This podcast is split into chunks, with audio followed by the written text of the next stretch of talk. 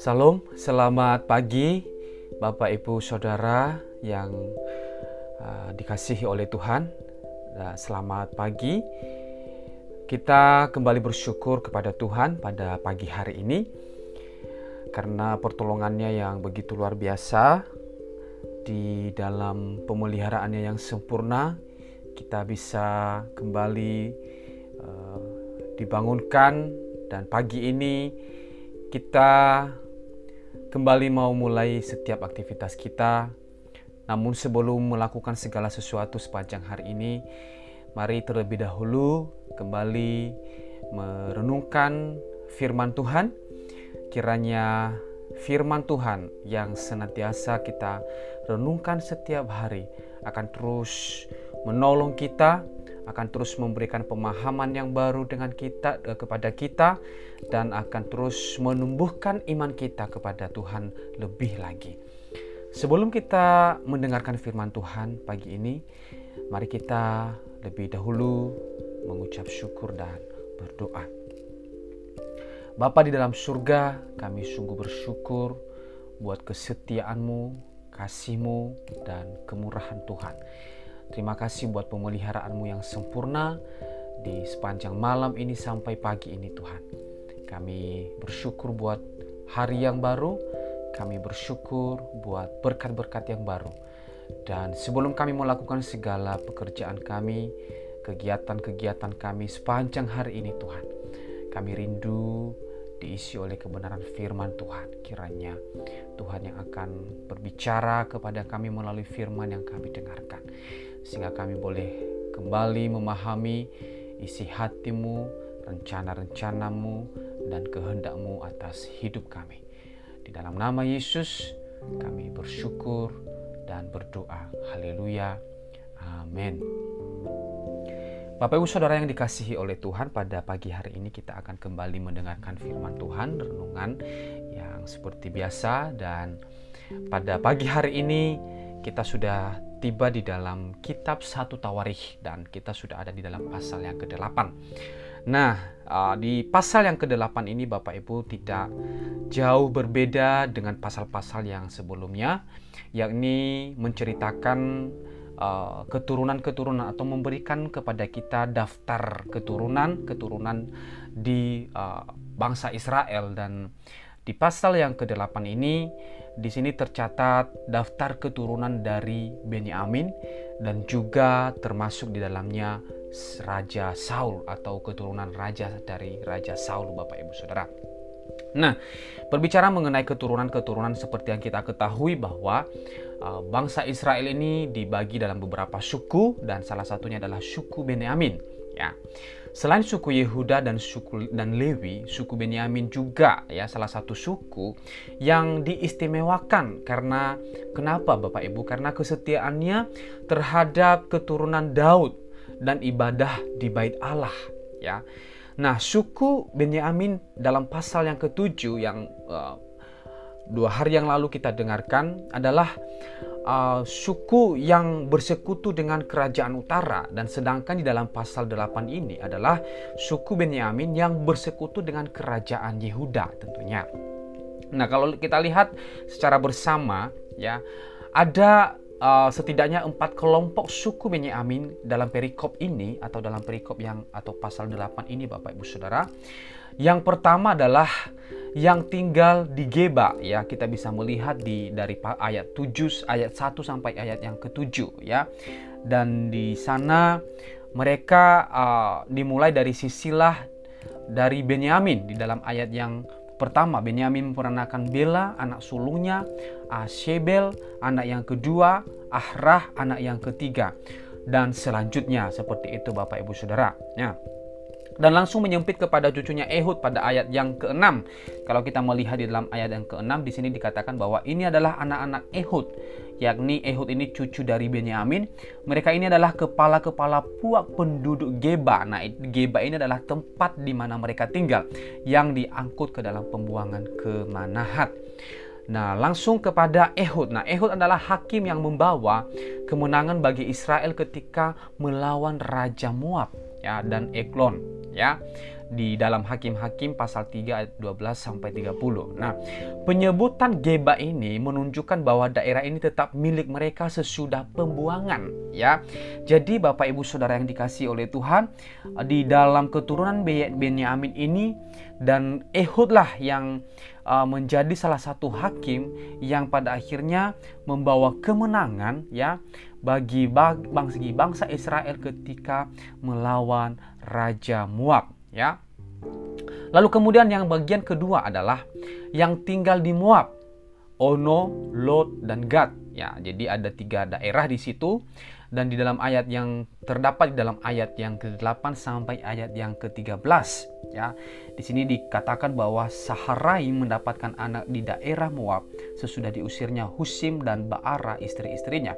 Ia mendapat anak dari Hodes istrinya yakni Yobab, Zibya, Mesa, Malkam, Yeus, Sohya dan Mirma Itulah anak-anak kepala-kepala puak. Sebelum itu dari Husim, ia telah mendapatkan mendapat anak yakni Abitub dan Elpal.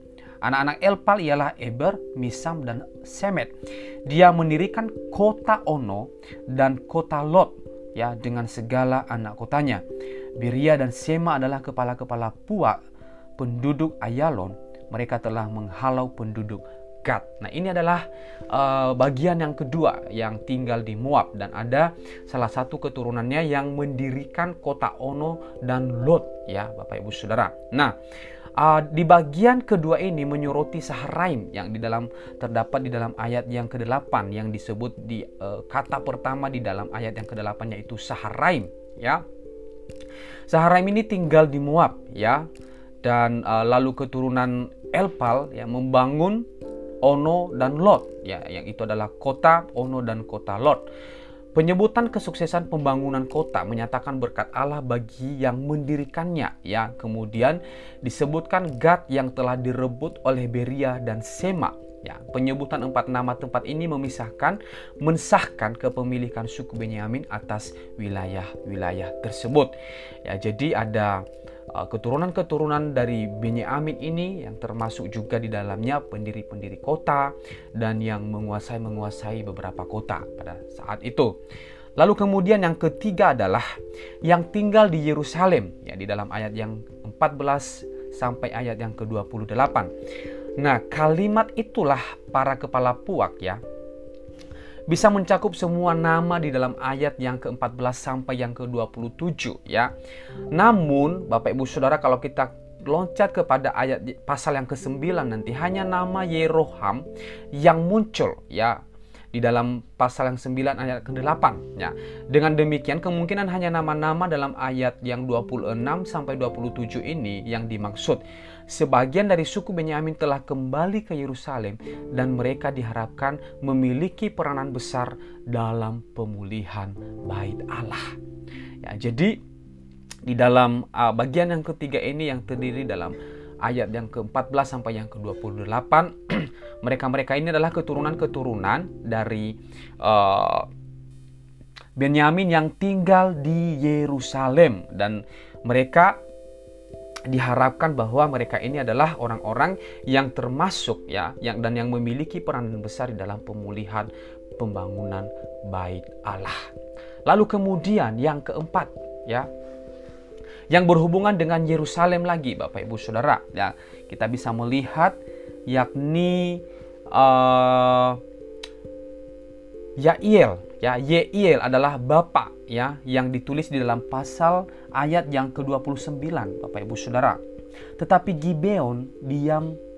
Bapak Gibeon yakni Yeiel dan nama istrinya ialah Maaka.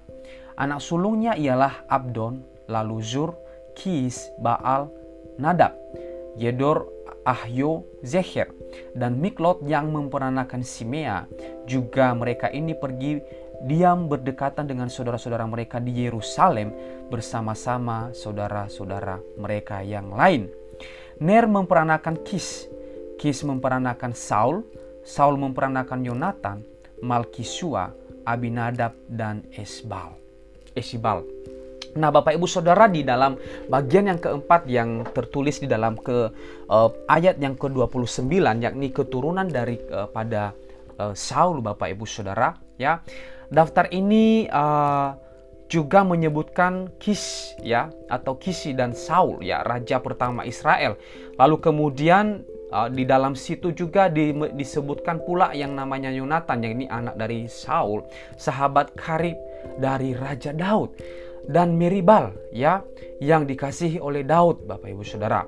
Dan ini adalah daftar-daftar dari nama keturunan yang yang ada di dalam uh, pasal yang ke-8 ini dan termasuk di dalamnya adalah keturunan Raja Saul Bapak Ibu Saudara ya dan uh, di dalam daftar uh, keturunan-keturunan ini banyak orang-orang perkasa ya serta banyak keturunan-keturunan yang memang menjadi pahlawan-pahlawan atau prajurit-prajurit yang gagah perkasa dan di sini ditunjukkan sumbangan militer mereka dan tanda berkat Allah. Penyebutan para leluhur yang terhormat membuat suku Benyamin harus dihormati. Bapak Ibu Saudara tidak salah kalau suku Benyamin ini uh, adalah salah satu suku yang cukup diistimewakan karena kenapa Bapak Ibu Saudara ada di dalamnya orang-orang pilihan Allah. Ya, kalau kita bisa melihat bahwa salah satunya adalah Raja Saul yang cukup terkenal sekali kisahnya di dalam Alkitab, walaupun pada ending kepemimpinannya tidak uh, baik Bapak Ibu Saudara atau pada akhirnya dia uh, meninggalkan Allah ya. Tetapi kalau kita melihat di masa-masa kepemimpinannya ada banyak sekali hal-hal yang dilakukan dan lalu kemudian kita juga lihat bagaimana Allah memimpin dia. Allah memilih dia menjadi raja, lalu kemudian dia memimpin bangsa Israel ya. Tetapi karena ada banyak kesalahan yang dilakukan walaupun pada akhirnya dia gagal menjadi seorang raja. Ya, tetapi kita bisa melihat lagi bahwa ketika Raja Saul pun ya uh, meninggal, tetapi dia punya anak yang baik hatinya juga, yang taat kepada Allah, yakni Yonatan yang menjadi sahabat karib dari Raja Daud, Bapak Ibu Saudara. Ya, sekalipun pada saat itu Saul sedang mengejar-ngejar Daud, ya, lalu kemudian Yonatan ini tetap memihak kepada Raja Daud karena dia mengetahui kebenaran, karena dia mengenal kebenaran, karena dia tahu bahwa Daud adalah orang yang diurapi, orang yang dipilih oleh Allah sebagai raja atas bangsa Israel.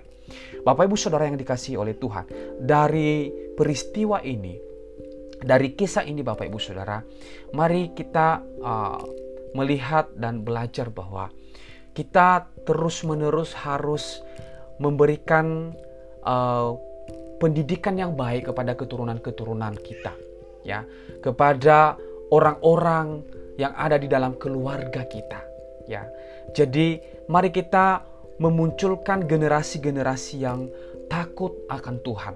Mari kita mendidik generasi-generasi yang mengasihi Tuhan, di mana generasi yang kita turunkan adalah generasi-generasi pemimpin yang mengasihi Tuhan, yang menghormati Tuhan. Sekalipun mereka diangkat menjadi seorang pemimpin yang besar, mereka tetap menjadi rendah hati, mereka tetap menjadi uh, pengabdi kepada Tuhan, mereka tetap menunjukkan dedikasi mereka kepada Allah dan mereka mengasihi Allah.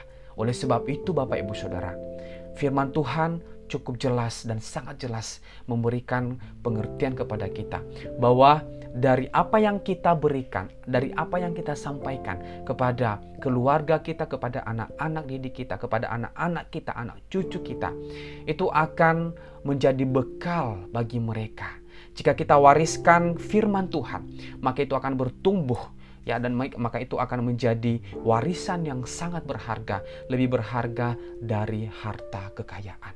Oleh sebab itu Bapak Ibu Saudara, mari kita wariskan semua kebaikan-kebaikan dan yang berkenan kepada firman Tuhan kepada generasi-generasi berikutnya. Demikianlah firman Tuhan kiranya Tuhan memberkati kita semua. thank you